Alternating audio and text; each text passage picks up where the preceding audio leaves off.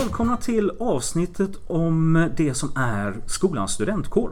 Och ska man prata om studentkåren så ska man ha den som har hand om det tycker vi. Och det är Olivia Jakobsen. Välkommen! Tack så mycket! Du är nyvald ordförande för det som är skolans elevkår. Känns det bra?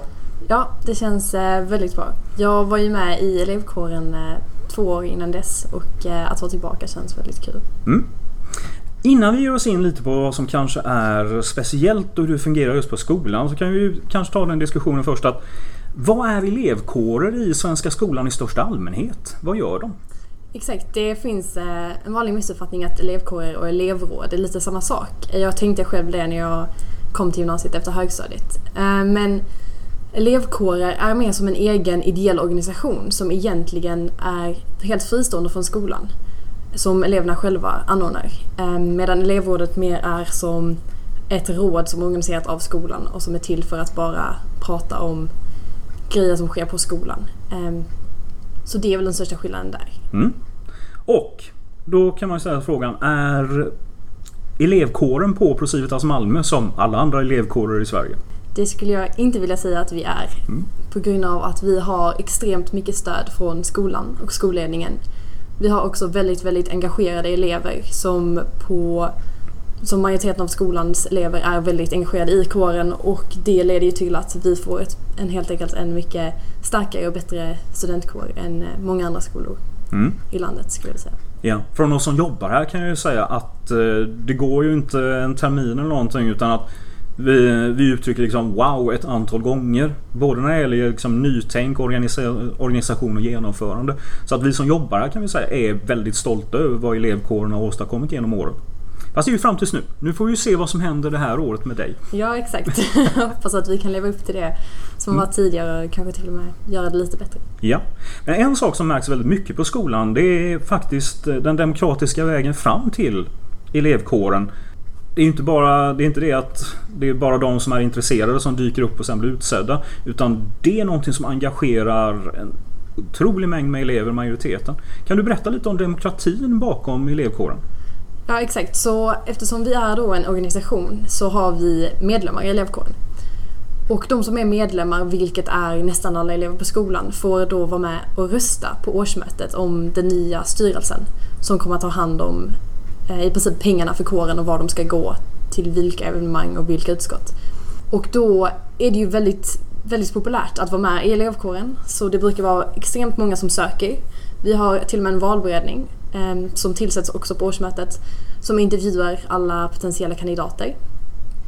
Och väl på årsmötet då så är det bara medlemmar som får vara närvarande och eh, rösta på nya styrelsen. Och eh, valberedningens förslag väljer väldigt tung, väger väldigt tungt eh, då.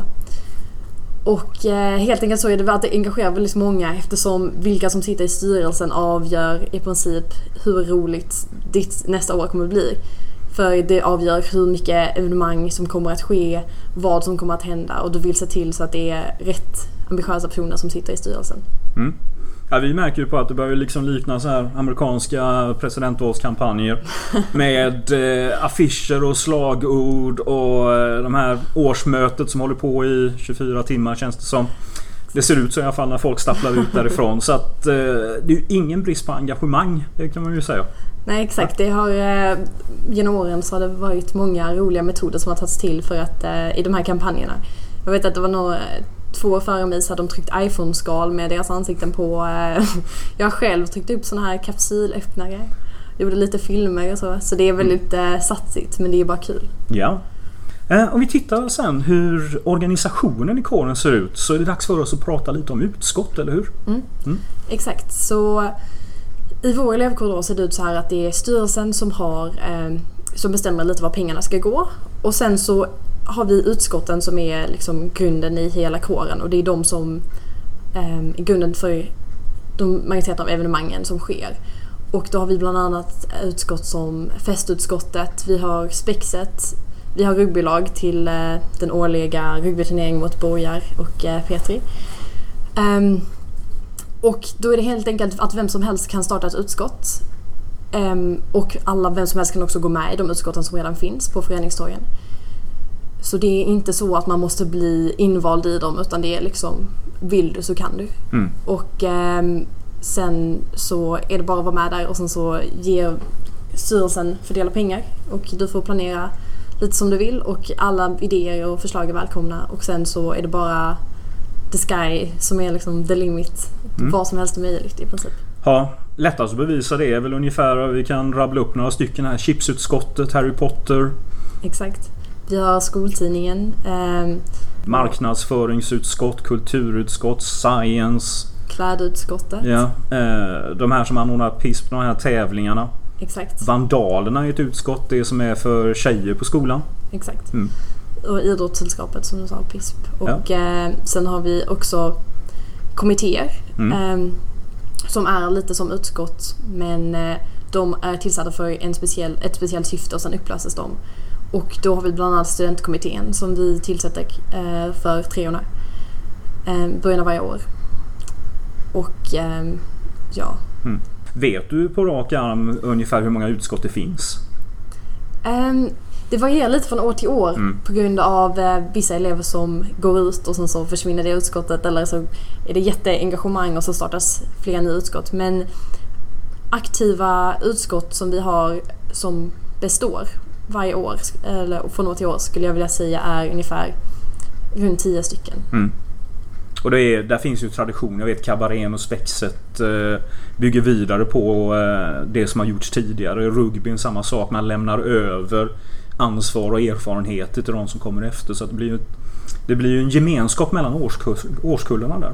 Precis. Mm. Jag skulle vilja säga att elevkåren och eh, utskotten då särskilt eftersom de är lätta att gå med i eh, är en väldigt stor grund till att vi har så bra gemenskap på skolan. För Mm.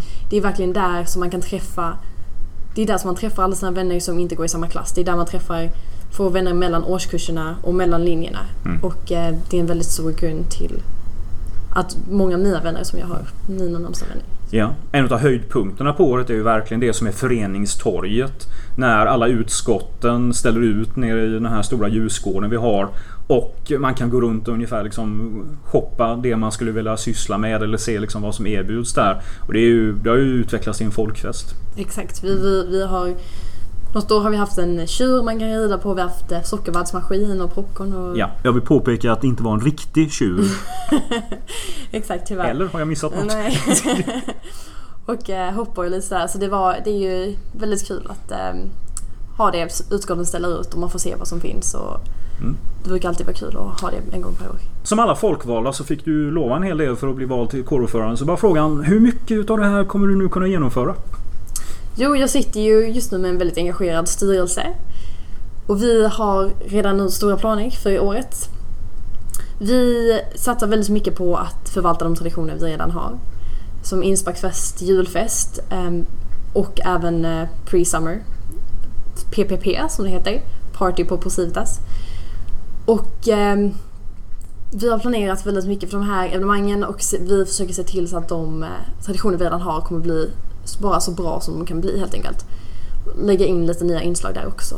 Ehm, men vi kommer även att satsa väldigt mycket på de små evenemangen i vardagen i skolan. Så att dina skoldagar inte blir så här gråa och tråkiga och du går till skolan och det är, du är skoltrött och det blir bara massa plugg. Utan att vi försöker förgylla vardagen på skolan genom att liksom ha små tävlingar då och då, dela ut kanelbullar någon dag när det kommer. Våffeldagen brukar vi alltid fira med att ha eh, nygräddade våfflor till alla elever.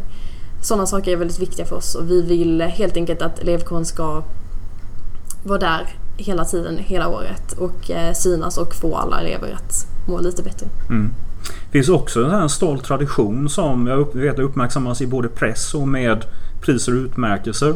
Där kåren jobbar med värdegrund, att det finns de här utskotten Procivitas för alla. Med väldigt stora tydliga manifestationer när det gäller så här moral och etik och de frågorna och gemenskap. Exakt.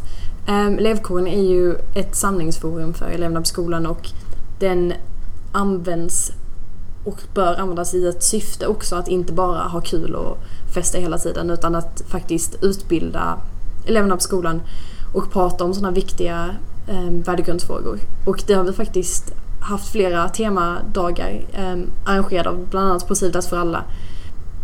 Där är vi nog nästan klara med det som är en översiktlig bild av elevkåren på Procivitas Malmö. Eh, vi tackar Olivia, ordföranden som har mycket att vet du, jobba med här och understryker att elevkåren är någonting som både elever och personal är väldigt stolta över och som bidrar till att skolan är vad den är. Tack.